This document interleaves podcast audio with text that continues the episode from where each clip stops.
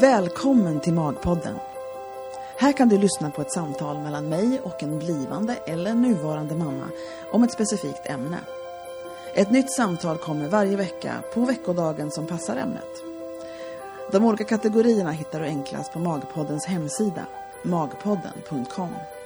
Där hittar du också porträtt på dem som jag pratar med här. För jag är porträttfotograf i Vasastan i Stockholm med speciell inriktning på gravida och nyfödda. I min studio har jag haft många fina samtal med mina kunder. Och en dag insåg jag att de här samtalen kanske var någonting som andra kunde ha glädje av att lyssna på, av olika anledningar. Och så kom Magpodden till. Jag heter Bodil Bergman Hughes och mitt företag heter Bergman Hughes Images. I övrigt så gillar jag saltlakrits, sköna soffor, roliga kvinnor, berg- och dalbanor, sena kvällar, stora hjärtan, soulmusik och kaffe, bland annat. Nu börjar vi.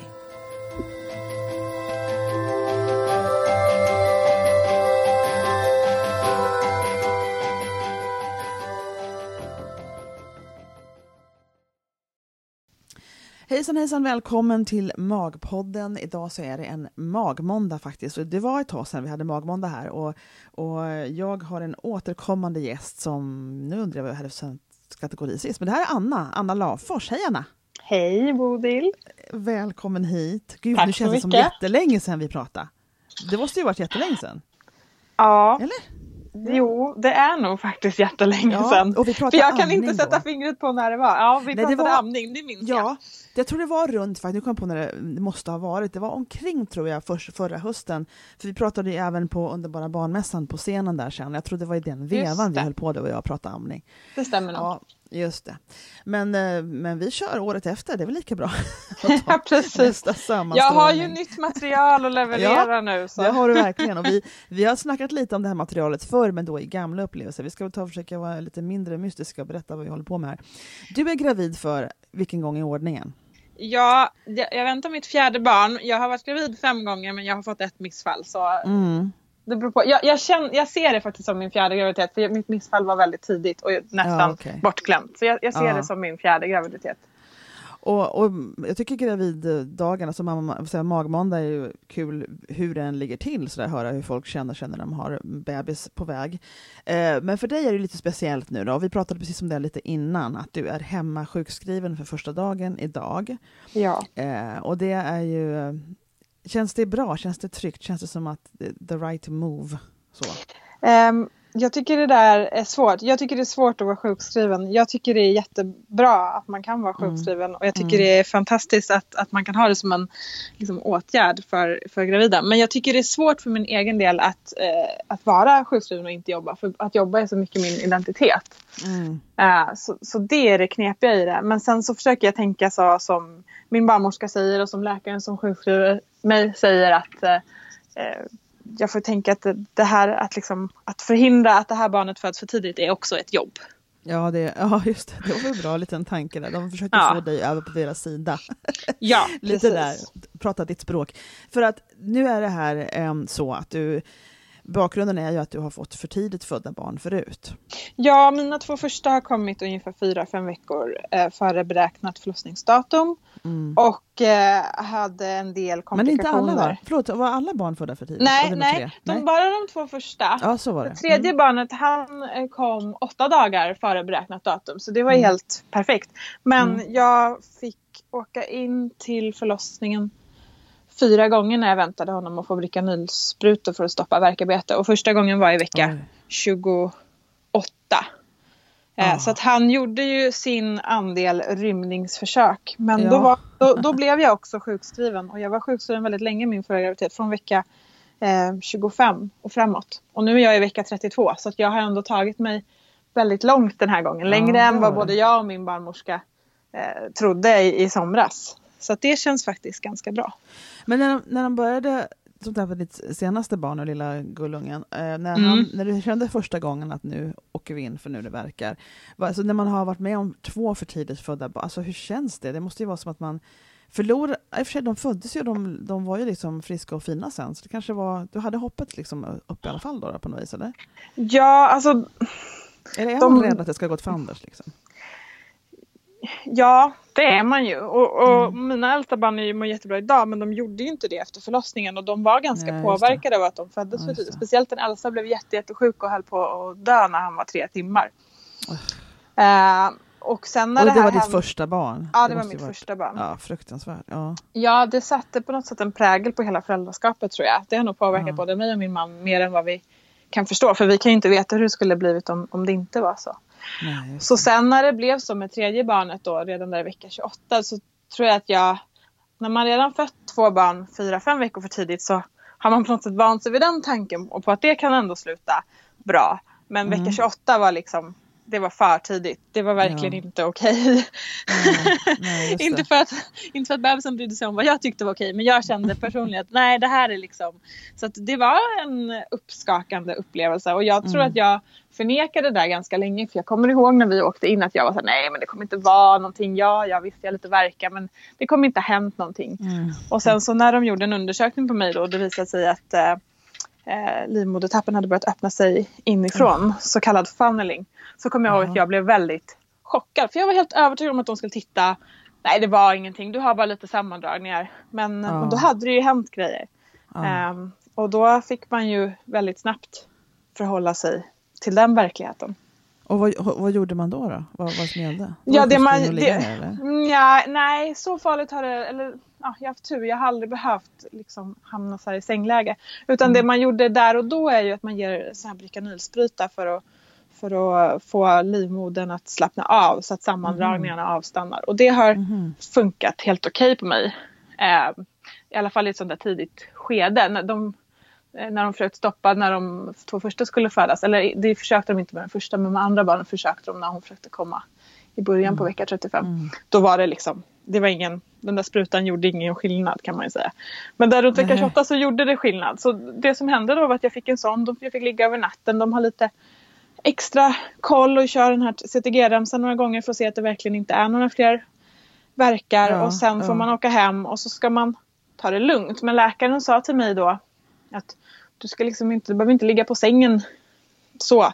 Det kommer mm. inte göra någonting bättre. Du kan vara uppe och gå och röra på dig och sådär men du ska liksom inte belasta kroppen och du ska inte stressa utan du ska vara, mm. man ska vara här liksom du ska inte stressa så jävla svårt, för det är så, det är så vagt också. Liksom. För en del kan tycka att nu stressar du och så tycker man själv, gör jag det? Och så finns det andra saker som man... Förstår du? Det här är så svårdefinierat det här med att stressa, är det inte? jo, det. det är det. Och, och, jag menar som nu, jag har redan tre barn hemma, så det som är vila ja. för mig nu, det har, det har varit ett fulltidsarbete när jag väntade första barnet. Ja, för mig var det så. Jag menar, jag tror att det är olika för alla, men, men för mig är det så att min vardag idag har ju tempo som som den absolut ja. inte hade när jag väntade mitt första barn. Nej. Och det är svårt att komma så, ifrån. Ja, men precis. Så tänker jag så här också. Så konstig eh, kombination av att eller hur tänker man när man ligger där liksom och får de här sprutorna, det hade hänt något i kroppen, de här grejerna. Och så, för jag känner nämligen till en, eller känner en till som, som har, ehm, det är någonting med, de säger det känns som min kropp inte kan, vill ha kvar barn längre än den här veckan, ungefär så bebisar. Mm. Och så har du, samtidigt så händer det dig varenda gång och samtidigt så har du friska barn. Alltså det är en sån konstig kombo av av liksom eh, problem och Ja, alltså, som jag ser det så är det ju uppenbart att det är min, det är inte något fel på barnen utan det är min kropp som liksom ja. inte riktigt orkat. Sen så, nu orkade den ju bära mitt tredje barn till vecka 38 ja, det, plus ja, 5. Men då, då var jag ju också sjukskriven de sista 15 veckorna och det gjorde mm. nog. Jag trodde ju verkligen efter att han föddes att det var för att jag var sjukskriven som han mm. föddes liksom fullgången. Med tanke på att jag alltså hade fått åka in fyra gånger mellan vecka ja, 28 och 34 ja. ungefär. Mm. Och sen så ändå så tänkte ni att vi kör en gång till. vi, tar, vi tar en till. Alltså, det var, det, tror... liksom. var du inte rädd? Jag tror Eller var att det hade... kul sist? ja men hade det gått sämre ja. senast då hade det inte varit så självklart. Nej, just det. Men nu gick det ju bra och han kom ju fullgången och han var frisk och inte ja, på ett enda läkarbesök så, så sa de att ja, vi måste göra det här, titta på det här som det var mina två äldsta. Det var liksom grejer första, det höll i sig första året. Jaha. Med återbesök och men det var ju problem med viktuppgång och sånt. De var inte ikapp liksom de där viktkurvorna. Det, det tar ju flera månader. Jag vet min äldsta han vägde nog tre kilo när han var två månader och det är ju liksom mindre än vad de flesta nyfödda väger. Så det, det var ju mycket sådana liksom segdragna komplikationer. Men med tredje barnet så var liksom allt var bra. Ja, men då direkt. Det, det är ju sant. Ja, men precis. Då, pratar man ju.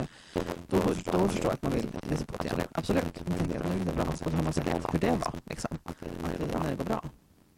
Ja, då fick man en erfarenhet av hur det kunde vara att få ett fullgånget friskbarn. Och det var ju väldigt lugnande upplevelse och vi tyckte det var ganska trevligt att få att få vara med om det för första ja. gången med tredje barnet. Verkligen, verkligen, det förstår jag. Men nu då? Nu då? Nu är vi, förlåt, förlåt, vilken vecka var du i nu sa du? Nu är jag i vecka 32. Just det, just det. Så kommer det kommer till är bra, det är bra, det är väldigt bra, väldigt bra. Och vad, och vad ska, vad ska, vad är du mycket inne på, på undersökningar? Vad har sagt när man tittat på er, på er inne, inne? Alltså det man, det man gör, eller det de gjort med mig liksom så här, för att förebygga är att de har mätt livmodertappen några gånger. Men det har sett bra ut för mig och jag tror att en del gravida kanske så här smygöppnar sig över tid och då kan man nog se det genom att göra sådana där mätningar. Men för mig har det ju varit alla gånger att det sätter igång ganska plötsligt och sen har det gått ganska snabbt. Och så har även mina förlossningar varit sen när barnen ska komma. Från första tecknet till att de har fötts, det har ju gått på några, några timmar. Så att min livmodertapp har sett jättebra ut nu och det är ju liksom lugnande för stunden. Men jag vet också att sitter jag med sammandragningar två timmar en kväll då kan det bli precis som det var med Nils. Att nej men då har jag börjat öppna mig och det kan liksom hända så snabbt. Så att det, det är lite så här jag vill känna mig trygg av den tanken men, men samtidigt litar jag inte riktigt på det för jag vet hur snabbt det kan förändras. Men hur förhåller du dig då? När du, nu är det första dagen i som du sjukskriven, men liksom, är det hinder Du har ändå som du säger tre barn. Liksom, tänker du mycket på det? Eller är du mycket fokuserad på liksom bebisen i magen och tänker bara på det? Och hoppas det går bra och sådär. Så hur, hur liksom är, jag vet ju barn kräver sin livstidsfokus. De gör ju det mm. man har. Jag känner mig ganska, jag känner mig ganska lugn just nu. För nu har jag, nu vet jag att att, att vara sjukskriven och förhoppningsvis få de sammanhang jag har att lugna ner sig eller i alla mm. fall inte att eskalera och bli värre. Det, det är det jag kan göra. Jag kan mm. inte göra mer mm. än så. Så nu gör jag det jag kan och sen är det bara att, att hoppas på att det funkar lika bra som det gjorde förra gången. Ja. Men det, det är ju helt omöjligt att veta och det, det är det jag skulle vilja veta mest av allt i hela världen. Om någon, mm. kunde, om någon kunde säga till mig att eh, ja, den här bebisen kommer stanna inne till den här eller den här veckan. Mm. Då vore ju det helt fantastiskt. Men jag ja. vet ju inte. Och det är det som jag tror är lite speciellt av att ha fött för tidigt. Och nu har ju jag ändå inte fött så fasligt mycket för tidigt. Det har ju bara handlat om en fyra, fem veckor. Mm. Men att man befinner sig i det här limbot av bebisen kan komma när som helst. En ganska lång period. Ja, just det. Jag har ju börjat tänka så redan nu. Fast jag varken tror eller hoppas eller misstänker att den här bebisen ska komma nu så mm. har jag ändå liksom den tanken i bakhuvudet för att jag ja. vet att det inte är så givet. Nej, att... det har hänt förr. Liksom, ja, precis. Ja, precis. Ja, det måste vara någon slags man, man, beredskapsnivå liksom hela tiden på något vänster. Man kan inte svårt att slappna av då. då. Det är väldigt svårt. Och det, det blir, måste bli en anspänning som är ganska tröttsam i längden. Men det kanske man inte känner förrän man har fått, fått barnet. Jag vet inte. Jag tror att det ligger nog lite i bakgrunden. På sätt och vis är det mm. skönt att ha tre barn redan. För att det går väldigt snabbt att vara ja, gravid. För ja. Veckorna och dagarna går väldigt snabbt. Ja, det. Eh, för det är så mycket annat att tänka på. Och det, är väl liksom, det har väl jag tyckt varit både skönt och lite sorgligt den här gången. Att det känns som att den här graviditeten den händer lite så då och då när jag har tid att komma ihåg det och tänka ja, på det. Men det. det är verkligen inte så att man sitter och klappar magen hela dagen. Och... Nej, det kan jag mycket väl förstå. Ja, verkligen. Och klappar barnen magen då? Ja, det gör de. ja. Det gör de. de tycker det ska bli roligt och spännande. Men även för dem så tror jag att ja, det, det händer mycket. Och vi har ju ett barn som går i skolan nu och två som går i förskola. Mm. Det är hämta och lämta och det är middag och det är mm. simskolor och ja, Absolut. Dagarna passerar. De gör ju det. Mm. Vet vi vad det här ska bli för något då? Det ska bli en lilla syster. Ja, mm. har du två varje nu då? ja, Lyxblandning liksom plus. Så. ja, precis. Äh, det, barnen var, eh, vi berättade för dem efter att jag hade gjort det här kubb-ultraljudet i somras mm. så sa vi att de skulle få ett syskon och då bestämde de sig direkt gemensamt för att de ville att det skulle vara en lilla syster för då skulle det vara rättvist tyckte de. För då skulle det vara tre tjejer och tre killar i familjen. De räknar in mig och min man då. Ja, det är klart de gör. Ja. Och, jag, och jag vi sa att ja, men det, det, visst, det vore jätteroligt men det vore jätteroligt om det var en lillebror och vi kan, liksom, det spelar ingen roll vad ni vill för det är ingen av oss som kan påverka Nej, det här utan ja. det, det blir som det blir. Kunde de eh, acceptera det? De accepterade det men samtidigt var de 100% inställda på att det skulle vara en lilla Det, syster. det var så, ja, det ser Och de hade ju rätt. Så att jag, jag vet inte vad jag ska säga mer om den saken. Uppenbarligen så, så blev blev, de deras önskan ja. sanning. Ja, de blev, ja. men det var nästan, ja, de blev glada men det var nästan mer som att de bara, ja men det, vi sa ju det. Det Ja. ska ju bli en lilla syster liksom. Vad, vad trodde du? Ja, eller hur? Mm. Har vi inte gått igenom det här redan? Ja, men gud vad kul. Och så, och så eh, kommer den här lilla nu då. Nu har du ganska så här jämnt eh, fördelade åldrar, har du inte det? Hur mycket Mm. långt är det mellan dem? Hur långt är det mellan första och nästa? Eh, det är knappt två år mellan de första. Ja, Och sen är det tre år och en månad mellan barn nummer två och barn nummer tre. Och barn nummer fyra är beräknat att födas dagen efter eh, barn nummer tres treårsdag. ja du ser. Ja. Du har, du har liksom, ja, men Så det är ganska regelbundna barnfödslar tycker jag. Ja, Ja. precis. De är ju födda precis samma tid på året också. Det är ju januari, början på februari, början Mm. på mars. Så de alla, kommer, alla fyra kommer fylla år inom, jag tror att det är åtta och en halv vecka Oh, wow. från varandra. Och att min man också fyller år inom samma Och du då? Är du helt Nej, jag fyller, år, jag fyller år på oktober. Så jag, okej. på hösten så ägnar vi oss åt min födelsedag. Ja, men det känns väl bra. Du får all Mm. fokus, all, allt ljus på mig. Det blir jättebra. Precis. Jaha, och sen så går du omkring här. Nu ska vi se, nu, nu har du några veckor kvar här nu då. Men vad, vad får du, ja som sagt barnet har ju det mesta, men alltså vad, vad jobbar du med rent ut, uppgiftsmässigt? Alltså som du inte nu får göra? Alltså vad är det du har slutat göra? Ja, alltså det, det, jag har faktiskt jobbat hemifrån sen jag blev gravid. För jag har Mm. mått så fruktansvärt illa den här graviditeten. Så att eh, det, det hade inte blivit något jobb gjort annars. Och det har jag varit jättetacksam för att det gått att göra så. Mm. Eh, och, och mitt jobb är ett sitta vid datorn jobb. Visserligen också lite gå på möten och, och, och göra sådana grejer jobb. Men det är Mm. inte ett eh, fysiskt ansträngande jobb. Men däremot så eh, har det hänt ganska mycket jobbmässigt den här hösten. Så att jag har Mm. haft eh, fullt upp. Eh, och jag tycker att mitt jobb är jätteroligt. Så det, på det sättet känns det liksom sorgligt att vara sjukskriven. Men jag har ju också märkt att jag är en sån som liksom kommer ett mejl så svarar jag på det. Och jag kanske är lite Mm. dålig på att hålla mig till att göra det på, på arbetstid. Liksom. Ja. Så tanken är väl att, att koppla bort det där helt ska vara ett sätt att, att, att varva Kan du ner. det då? Går det liksom? Kan du det? Eh, jo, det tror jag. Mm. Det tror jag faktiskt kommer gå. Men jag tror att det kommer ta ett tag. Det är inte som att jag redan idag känner att jag har liksom gått in i något eh, lugnare tempo. Men eh, det, det kommer nog bli så. Jag tycker det är så svårt därför att man tänker att, att eh, liksom, det här med orsak och verkan, och jag att om man inte... Du vet, det är så, som sagt det är lite svårt att definiera stress. Du säger du har mycket mer omkring det nu med barnen än vad du hade den första graviditeten. Och, och så ska man liksom undvika. Och så tror du, klandrar, när, när det hände förut, klandrade du dig själv för att du liksom gjorde något fel när, det, när barnen kom tidigt, som en del kan göra när de får missfall och sådär. Då börjar liksom second Mm. guessing allting. Jag tror inte första gången. Det gjorde Nej, jag inte. nej, för kom, då kom det lite som en blixt från klar himmel. Ja. Så andra gången var lite knepigare därför att då ville jag ju tänka så här.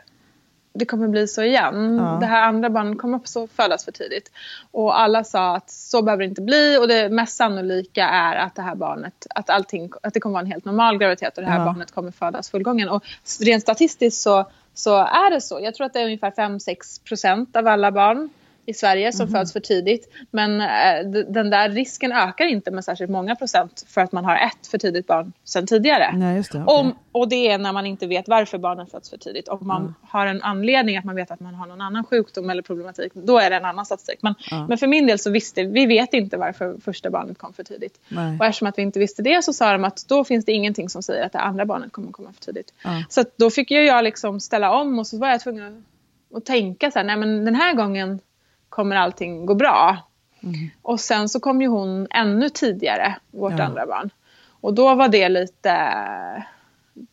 Vad hände då när du fick de där första sammandragningarna, att det var, alltså det var fel på riktigt? Vad eh, tänkte du då? Alltså var det som att du kände att, att du hade för, Eller var du helt överraskad då? Alltså jäklars, det blev så här igen. Eller var det liksom att du Mm. hade varit rädd för det hela tiden någonstans ändå? Jag hade nog gått och haft det i bakhuvudet. Mm. Det tror jag. Men det, är ändå, det var ändå en chock. ja. när det hände och just ja. att det hände tidigare. Jag tror att det, jag hade nog tänkt att det kunde hända ungefär som med första barnet. Eh, men första tecknet med andra barnet var en vecka tidigare i graviditeten och då, jag vet inte varför men jag hade tänkt att i, skulle hända någonting skulle det bli likadant. Det var ju verkligen det. naivt. det är den enda erfarenheten man har ju att relatera till mm. kanske därför. Mm. Mm. Ja. Och då, och då var, det, var det jobbigare andra gången tyckte du då, då med andra ord? Alltså hela, alltså hela, hela upplevelsen än första? Ja, totalt sett blev det så, men mycket av det berodde på att jag liksom hade en ettåring hemma. Mm, det. det. var inte lika enkelt. Så här. Det var inte som att min man och jag kunde vara på sjukhuset tillsammans, utan jag var ju där med bebisen och han var hemma med vår son. Och eh, vår äldsta undrade var mamma var och ja, jag kunde inte åka hem. Och sen blev det ett akut kejsarsnitt som jag hade ganska mycket ont av efteråt. Så jag mm. kunde knappt gå eller stå men jag var ändå själv på BB och skulle ta hand om mm. det här mm. lilla bebisen som var alldeles för... Hon mådde bättre än sin storebror men hon var eh, väldigt... Eh, ja, hon var påverkad ändå att hon var för tidigt född så hon orkade inte äta så hon tappade massa vikt och så fick hon så blodsocker chock när de bara ligger och darrar och då skulle vi tilläggsmat. Och, och sen hade hon legat i säte så det var någonting med hennes höft som inte var godkänt. Alltså det var bara någonting hela tiden. Ja. Alltså, och jag ville åka hem och de ville inte släppa iväg oss. Så fick vi mm. åka hem över en natt och sen komma tillbaka. Alltså det var, det var liksom bara ett, ett, ett kaos. Mm. Så att det på sätt och vis, jag vet inte om det var värre än första gången. Fast hon, det var inte bättre heller, fast mm. hon egentligen mådde bättre. Det var aldrig så att hon höll på att dö. Mm. Men det var liksom, ingen av de upplevelserna, det var liksom mer tårar än skratt första månaden med båda ja. första barnen. Ja, just det. Ja, men det är ju väldigt sorgligt. Ja, det är ju jättejobbigt. Men nu tycker jag, när, när du säger så, så får jag sådana här direkta relation, då, då vill jag säga åh vad synd, det ska ju bara vara glädje. Och så är det så många som inte har bara glädje för det är jobbigt ändå. Liksom. Även med vanliga bebisar så är det ju skitjobbigt att ja, bli förälder. Absolut, så det kan absolut. vara mycket tårar av andra anledningar. Men, ja, men, man vill ju, men det är synd att ha, jag tror inte det är så mycket tårarna, jag tror det är mest kanske ångesten och rädslan omkring det som gör det värre. Eh, liksom, för det är så mycket rädsla och så mycket så mycket, kan jag tänka, föreställa mig, jag har aldrig varit med om det, men alltså det blir mycket, man, man blir oro, det är mycket oro. Alltså det känns som oro måste vara Ja, punkt. så mycket är det väl att man liksom ändå har föreställt sig eh, första tiden med en bebis på ett ja, visst sätt. Det. Och, och det, det, det, vanligaste är ju ändå, det är på något sätt det man utgår från, att man ändå här, får åka hem med sin bebis. Mm, och sen, mm. ja, att, man, att det är svårt och tufft, det hade mm. vi nog ställt in oss på. Men, men inte alla de här andra Nej. motgångarna. Nej, man sörjer kanske den andra historien man hellre hade velat ha. Liksom. Ja, och det var ju nästan ingen idé ens att tänka så. Liksom. Mm. När man hade gjort det två gånger kände man bara, okej okay, men så här är det ja. för oss. Men sen, alltså vi, jag kan inte minnas att jag någonsin var eh, rädd eller, orolig för att skaffa ett tredje barn. Mm. För då hade jag ändå facit i hand att barnen mådde bra. Att det var liksom den här första tiden som var tuff och sen, sen hade de inga mer problem av det. Eh, men sen vet jag att när när jag var hemma och sjukskriven min tredje graviditet och ändå fick åka in flera mm, gånger till förlossningen. Mm, mm. Då kunde jag ju känna liksom att vad, vad har jag gjort? Ja. Är det rätt att utsätta det här barnet och mig själv för det här igen? Om det här barnet ska födas ännu tidigare? Är det liksom ett vettigt beslut som jag har tagit? Men då, då var det ju liksom det är ju inte som att man kunde ångra sig då. Nej, nej hur, eller hur? Och sen blev det så bra. Det är väldigt, sen blev väldigt roligt bra. att du fick ett sånt barn för tredje ja. gången gilt där. Fast det du fick var... kämpa lite för det. Ja, det var...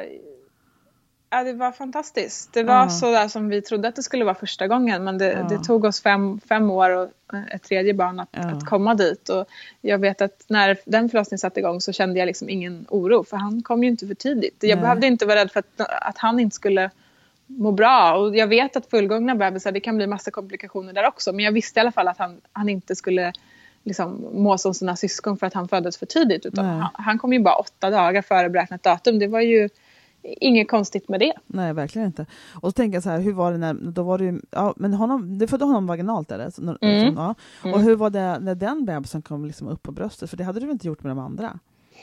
Eh, mm. jo, första, första barnet var också en vaginal förlossning och, och, mm. honom fick vi upp på bröstet. Det tog, han var två och en halv eller tre timmar när han mm. blev dålig. Mm. Så att, eh, men det var ändå så här, första barnet, det var, det var så chockartat då och sen så var, visste vi ändå att han var för tidigt född mm. så vi, vi, vi, räknade ju direkt med att det skulle vara någon slags mm. komplikation och det sa ju liksom barnmorskan också, ni kanske kommer behöva tilläggsmatta. Han vägde 2,6 kilo. Mm. Så att vi förstod ju kanske att han behövde hjälp med att hålla värme, han kanske behöver extra mat och mm. sådär. Och sen så mm. blev det ju problem med, med lungorna som, mm. som de inte hade kunnat förutspå. Så att eh, på det sättet så var det ju en stor skillnad eh, med tredje barnet för att han blev ju direkt godkänd när läkaren kollade efter förlossningen. Mm. Så, så gick det bra och vi fick åka till en liksom vanlig BB-sal och mm. när man gör den här läkarundersökningen de är två, tre dygn eller vad det är. Ja. Så fick han ju också höga poäng sådär? Ja, men han, fick ju, han hade inga anmärkningar och för mig var det första gången jag var med om det. Ja. Så jag vet att läkaren sa någonting, ja men vad bra. Och tänkte, så tänkte väl hon att jag skulle gå tillbaka till mitt rum men jag var tvungen att fråga så här, men är det, är det inget som är ja, fel liksom? Det var mer normalt för, för dig att det var någonting. Ja, jag väntade på jag, var, jag, jag satt och väntade på att hon skulle hitta det där som mm. skulle vara problemet. Ja, just det. Eh, och det, det fanns ingenting att hitta. Hur kände du då? då? Vad, vad, vad tänkte du? Um, jag kommer ihåg att jag grät jättemycket ja. efteråt. För att det var som att liksom någonting släppte inom mig. Ja. Jag hade liksom, fastän allt hade gått så bra så, så hade jag liksom gått runt och, varit, och väntat på att det skulle dyka upp någonting. Jag tror att efter det läkarkollen och hon sa att nu, ni kan få åka hem. Oh. Och då kände jag att det här, det är på riktigt. Liksom. En gåva. Ja det var väl lite, lite plåster på såren på det gamla, att få liksom lite... Ja, det var lite revansch. Ja, precis, mm. precis. Fastän det var en revansch som jag liksom inte kunde påverka. Det var inte min förtjänst på något Nej. sätt, utan det var ju mer tur, tur och slump och det är väl det jag har lärt mig och försökt ta med mig. Läkte det lite så då, tycker du? Var det läkte det lite? Alltså, ja, det gjorde då? det. Ja. Det gjorde det absolut. Och även eh, hur förlossningen var, för jag, eftersom att jag hade blivit snittad med mitt andra barn, ett, mm. ett, ett akutsnitt. Och det var... Mm det var min personliga liksom, mardrömsförlossning att mm. behöva gå igenom det. Så jag var väldigt eh, glad över att eh, min tredje förlossning var det jag skulle kalla för liksom, min mm. egen drömförlossning. Och, här sitter jag och du och jag pratar och så börjar de borra i väggen bredvid. Ja, då är vi tillbaka efter att verkmästaren next door här har borrat klart i väggen. Som pl plötsligt hände mitt i våran eller mitt emot slutet av vår första berättelse som, som, ju, eh, som ju var jättebra. Det är väldigt mycket, du har haft, alltså även om det är samma typ av erfarenheter, även om tredje då blir lite annorlunda, så är det ju, du har ju liksom, eh, det, allting är olika, både förlossningar och barn och allting är ju liksom lite olika ändå. Så ja, verkligen. Så är det, det. Det finns ingen mall på att nu har vi varit med om en för tidigt för tidigt född barn, och då vet alla hur det, att det, då blir det så för alla. Så, så blir det ju inte. Nej, och det är väl det som jag kan tycka lite, det är lite skönt nu med att vänta fjärde barnet, att jag tror att jag har minst, eh, minst förväntningar eller minst idéer om hur det ska bli och hur det ska mm. vara, för att jag vet att det är ingen idé. Jag har försökt med det där tre gånger eh, och det blir ändå aldrig som man tänkt sig. Har du, tror jag undrar för det, om det händer sådana här saker som är krisiga som man liksom verkligen inte kan påverka, och det är oftast så med krisiga saker, blir man liksom för jag vet ju om en del människor som går genom livet, och, och inte hela, hela, livet kanske, men unga människor då, som går en, en, bra bit in i livet och inte är med om så himla mycket kriser. Det går ganska mycket som de har tänkt sig med, vad vet jag, utbildningar, förhållanden och allt sådär. Det, det, till slut händer det ju något för alla. Mm. Men liksom, nu har det hänt för dig ganska många gånger. Det här, och de här, att bara bli gravid så ställer man sig ju inför, inför de större livsfrågorna. Liksom. Det är så. Man kliver in i nästa liga på något vis när man eh, gör barn. så är det ju. Absolut. Och känner du att du har liksom, att det är någonting som du har jag vet inte, något tillstånd som har du, du har förvärvat? Har du liksom, när du ser tillbaka på första gången och där du är nu, liksom, vad, vad går det ens att liksom ta några exempel på förändringar som har skett i dig? Och, några reflektioner eller någonting som du har tänkt till på eller som du själv ser att du har förändrats inom på något sätt? Alltså det, det finns nog en hel del men det är också svårt att sätta fingret på ja, exakt vad det kan vara. Men jag tror just det där att, att veta att med barn så går det inte. Man, man kan ha förhoppningar och drömmar, man kan ha en plan men det kommer aldrig riktigt bli så som, som man ville eller som man hoppades. Och det behöver inte betyda att det inte kommer gå bra, men det kanske bara blir annorlunda. Mm. Och det tycker jag väl verkligen att jag har fått lära mig. Liksom, det var min, min första upplevelse som mamma var att det inte blev som jag ville och trodde. Mm. Mm. Eh, och det liksom sitter ju fortfarande kvar. Och så tänker jag nog nu med att jag, har, jag är ganska liksom, ja den här bebisen kanske sover på nätterna eller så kanske hon skriker på nätterna. Mm. Eller så, det, det, kan verkligen bli hur som helst. Ja, så jag, har inte, jag har inte gjort någon så här utstuderad plan för hur det ska vara att ha fyra barn. För jag är övertygad om att det här barnet kommer komma ut och överraska oss på ett sätt ja, som vi inte ens kan föreställa oss ännu. Känner du att den här, den här äh, lärdomen att inget blir som man har tänkt sig och, och att Känner du att det har blivit... Mm, att det är övervägande positivt att det, alltså, nu ska jag, säga, nu ska jag försöka verkligen formulera det här på rätt sätt. Ibland kan jag tänka mig att man får så mycket smällar av livet så att man går omkring och det är ganska tufft att vara, liksom att vara tacksam. Förstår du? Mm. Och ibland, men, men å andra sidan så hör jag många, när det är tuffa smällar, framförallt i efterskott, så man, är man tacksam. För man någonstans uppskattar det som uppskattar mer det enkla. Det kanske låter lite klichéigt det här, men känner du att eller uppskattar livet i allmänhet? Alltså känner du att du har fått en ökad liksom, uppskattning över det som går bra? Eller känner du fortfarande att du är sorg, sorgsen över någonting som inte blev som du hade tänkt dig? Nej, jag känner mig inte sorgsen. Alltså det är, jag tycker aldrig det är enkelt att tänka tillbaka på första barnets förlossning. Eller Nej. snarare, inte, förlossningen var det inget fel på, men just att, att, att det var så otroligt läskigt att han mm. blev så sjuk och vi mm. var så rädda och så ledsna. Det, det är aldrig... Det blir alltid nära till tårarna när jag ja. tänker på det fastän jag egentligen känner mig klar med det så finns ändå de, liksom, minnet av känslorna ja, finns kvar i kroppen. Och jag tror för min man och mig så var det där ganska...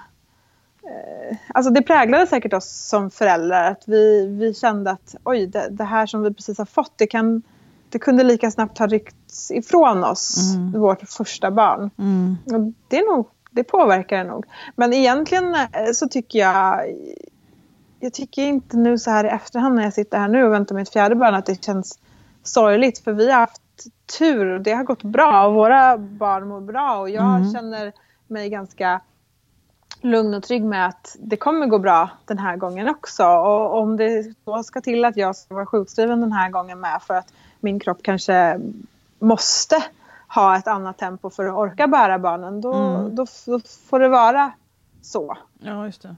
Du köper ja. det paketet liksom på något Ja, vis. precis. Det är väl ja. så det är för mig mm. och jag får gilla läget. Liksom. Ja, just det. det här är ju en resa som jag är ute på och som jag inte har någon som helst makt över. Jag vet mm. ju det. Det, det, har jag verkligen lärt mig. Att jag, jag har ingen makt över Nej, det här. Nej, just det. Så är det faktiskt. Så är det. Och, det, och det, framförallt i första barnet så, så tror man ju att det ska, liksom gå, ska bli lite business as usual. Liksom. Ja, och jag kan ju säga, även fast jag vet att jag inte har någon makt över det, är inte som att jag ändå inte planerar och har drömmar och sånt där. Men, men, jag, men det finns i bakhuvudet att hela tiden är, eller så blir det precis tvärtom. Ja, För så har det ju blivit de andra gångerna. Men det men, som är välsignat med dig är att du har ju ändå liksom ett facit som blev bra. Alltså även om det var ja. liksom förskräckligt när det, en del saker hände så, så har du tre ljuvliga ungar. Liksom. Och, och det är väl det som hjälper till då, då när man liksom ska känna hopp för en fjärde. Alltså det måste man ju ändå säga. Det är värre om man får liksom sex missfall och ändå, än, att inte ha ett barn. Och så blir det bebis. Då kan man vara hade jag trott att det här skulle sluta illa, då hade jag nog kanske inte velat ha ett fjärde Nej. barn. För jag hade nog inte velat utsätta det barnet eller våra andra barn eller mig själv för det. Mm. Men jag tror ju att det här kommer gå bra. Ja. Ja, men det, absolut. Och det förstår jag. Alltså, du har ju en grund för att tro det, tycker jag. Mm. Verkligen. Vad, eh, vad tänker du här nu att du ska ägna dig åt? Ska se, vilket datum är det dags att föda barn då? Om man nu ska gå efter normala bebisar. Så ja, kommer precis. Ska. Fjärde februari är hon beräknad att komma. Ja, okay. Mm. Då hinner du få jul i lugn och ro och sådär. Och, och ja. så får du tänka vidare ja. nästa år. Ja. ja, precis. December lär gå åt, åt julen och allt mm. sånt. Och sen i januari så uh, fyller vårt mellanbarn sex år mm. och det är kalas. Mm. Och sen så precis dagen innan det här är beräknat så fyller ju vår yngsta tre år. Så att, mm. uh, jag är övertygad om att jag kommer hålla mig Det kommer att gå fort som fan, tror jag. Ja, och, då måste jag, och så måste jag, nu slår det mig plötsligt, vi har inte snackat barnvagnar en enda gång och det är helt chockerande. Men jag måste ju fråga om du har köpt någon ny litet vrålåk till det här bebisen nu då? Redan? Är det, eh, jag har faktiskt kvar min, min barnvagn, min syskonvagn, min Bagabodonkey som jag köpte till tredje barnet. Ja. Eh, så den, jag tror inte jag har haft någon annan vagn så länge. Så den Nej. har stått den har varit med mig i tre år nu och jag wow. tänker att den ska vara med i, i tre år till. Okay. Så den har jag och sen ja. så kommer det ju vara några andra också kan vi ju säga. Ja, det förstår kommer ju inte stanna vid en vagn. Precis. Nej. Det, är inte, så det är hemma hos er. Nej. Nej. men, men precis, men då, då tycker jag att, att vi... Ja, det är en, ja, en sak till. Jag skulle vilja det här är ju helt lönlöst att överhuvudtaget hålla på med, men har du något råd att ge? För de ingen tar emot råd förrän i efterskott och tänker det där var ett bra råd, det skulle jag ha lyssnat på. Men hur, har du någonting som du tror att du skulle kunna liksom, uttrycka i någon slags... För, för vem ska vi tänka då? Vi ska tänka målgrupp här. Jag tänker kvinnor som... Vad ska vi tänka? Nej, men jag tänker nog lite grann de här som kanske är rädda om den. De kanske håller på att gå in på, på massa kontroller och försöker hålla bebisen kvar i magen. Det är en väldigt här, specifik målgrupp för dig. Har du, någon, eh, har du någon, någonting att säga? Någonting som att berätta som du skulle vilja, vilja föra vidare? Jag vet att när allt det där hände med mitt eh, tredje barn så tyckte jag att det var ganska jobbigt att prata om. Så jag, jag berättade nästan inte för någon att jag var sjukskriven. Mm. Det var inte mm. så att jag ljög vid en direkt fråga. Men jag, mm. jag, jag, pratade inte så mycket om det och jag, jag höll det där ganska mycket för mig själv för att jag tyckte att det var jobbigt och tungt. Men ja. den här gången har jag försökt, och vi väntade även väldigt länge med eller relativt sett för att vara vi, länge med att berätta att jag ens var gravid för mm. andra. Jag, var, jag, hade gått mer än halvvägs när vi berättade det. Ja, okay. Uh, och den här gången har jag försökt att tänka lite annorlunda. Att det är skönt att få andras stöd. Mm. Uh, så att nu är jag ju öppen med att jag är sjukskriven och mm. jag försöker berätta om det händer någonting för att jag tror att, att det faktiskt är ganska skönt att få prata av sig. Och jag pratar ju såklart alltid med min man och nära familjen men det är skönt att prata med fler och prata med vänner och, och rätt vad mm. det är så, så hittar man någon som har någon erfarenhet att dela med sig som man faktiskt kan ha glädje av och det, då hade jag ju aldrig fått höra det om inte jag hade Nej. berättat var jag befinner mig. Just det. Att inte så det tycker jag är ganska stöd. skönt. Inte vara så rädd att be om hjälp och be och om man, stöd. Man är inte ensam. Jag gjorde ett, eh, ett inlägg på, på Instagram i lördags där jag skrev mm. om det att för mig så, eh, jag räknar ner, inte bara till beräknat förlossningsdatum utan jag räknar ner även till de dagarna i graviditeten då mina andra barn har fötts. För att jag vill inte vara med om igen att bli chockad över att få barn. För så är det när man får barn för tidigt. Det, liksom, ens hjärna är inte med på det. Jag var inte mm. färdig med graviditeten. Jag var inte inställd på förlossning. Jag trodde med mitt första barn att jag skulle vara gravid i sex veckor till. För jag trodde att jag skulle gå över ja, två veckor. Så jag var liksom inte mentalt redo. Och sen med andra barnet så sa alla nej, nej, nej, det här barnet kommer inte komma för tidigt. Och då igen mm. så ställde jag in mig på att få när barnet skulle komma. Och jag var absolut inte mentalt redo när hon föddes. Mm. Så med tredje barnet så bestämde jag mig för att jag ska räkna ner till datumet han är beräknad och sen till två datum men då mina andra två barn är födda. För, mm. att, för att inte behöva liksom bli chockad igen över att det är dags utan ja. hellre ställa in mig på det. Så för mig just nu så är det egentligen nio veckor kvar till datumet hon är beräknad att komma. Men det är ja. åtta veckor kvar om hon kommer om sin, som sin yngsta bror och eh, det är fem veckor kvar om hon kommer som, som sina två äldsta syskon. Ja, just det. Så att eh, jag har liksom flera nedräkningsdatum. Och det, eh, när jag skrev om det på Instagram så fick jag jättemånga kommentarer om andra som varit med om samma sak. Hon sa att så, precis så kände jag med. Man var i det här beredskapsläget. Istället för att vara det från liksom någon vecka innan beräknat förlossningsdatum så så är man det i flera månader. Att det kan bli idag, det kan bli imorgon. Ja, det. Och det hade inte jag sagt att så går jag runt och tänker och att jag hela tiden så här, nu, nu kanske det bara är fem veckor kvar, nu kanske det bara är så här många veckor kvar. Mm. Det, det, det, kanske låter tjatigt om man inte förstår. Men det var väldigt skönt för mig att höra att det är inte bara jag som, som går runt och räknar ner till massa olika datum och är helt besatt vid att och hålla koll på det där för att, för att vara liksom mentalt uppdaterad på mm. hur lång tid det kanske är kvar. Ja. Eh, och, och, som sagt. Och du skulle var... du säger att du föredrar det? det? Det är bättre för en att göra så? För mig är det det. Mm. Det kanske inte är det för andra men för mig är det det. Och, och förra, min tredje graviditet så delade jag inte med mig av sådana tankar alls utan det bar jag mest inom mig själv och den här mm. gången försöker jag att göra annorlunda. Så att, mm. Att kunna skriva om det på Instagram och så få en 40-50 kommentarer ja, från andra som, som känner igen sig i det, det. Det är inte helt fel att våga vara öppen och få lite tillbaka. Nej, men precis. Men det tycker jag var ett jättebra råd faktiskt. Och man, att man vågar vara det som du säger, bara så man kanske kan få någonting av det och inte känna att man bara exponerar sig, utan det kan vara verkligen till nytta för en själv också. Nej, för sannolikheten att man är den första eller den enda att vara med om en graviditetserfarenhet, mm. den är väldigt liten. Ja, det finns antagligen någon mer. Och eh, ibland är det skönt, ibland kan man kanske inte vill höra andras erfarenheter, men bara att veta att någon annan har gjort en liknande resa, det, det kan vara skönt att tänka på faktiskt. Ja, jo, men det, det talar jag med dig och, det, och där känner jag ju att det är lite roligt med de här historierna, eh, att de finns ute i etern nu. Då, för, för evigt vet jag faktiskt inte, men länge i alla fall. Mm. för att man, eh, då kanske någon hittar det här om vad vet jag, flera månader och sitter, där var det en som berättade om en historia som angick mig. Och det, det är bra att det finns, att det finns berättelser liksom där ute. Ja, det tror jag verkligen. Som folk kan spegla sig i, verkligen. Men då tackar jag dig jättemycket Anna för den här tiden och för att du väntade medan de var klara med borrningen också. Att du fanns tillgänglig även efter det. Tack själv. Så, där, tackar. så får vi höras um, när du kommer ut på andra sidan. Och så Ja. ska det vara jättekul om du ville berätta igen om det. Vi får se hur, det- hur det går här nu. Alltså, men förlossningsfredag platsar du säkert i så småningom. Ja, det hoppas jag har en bra berättelse Ja, att dela med mig av. det hoppas vi. Det hoppas vi för allihopa. ha det så jättebra. Tack igen. Tack då. så mycket. Hej.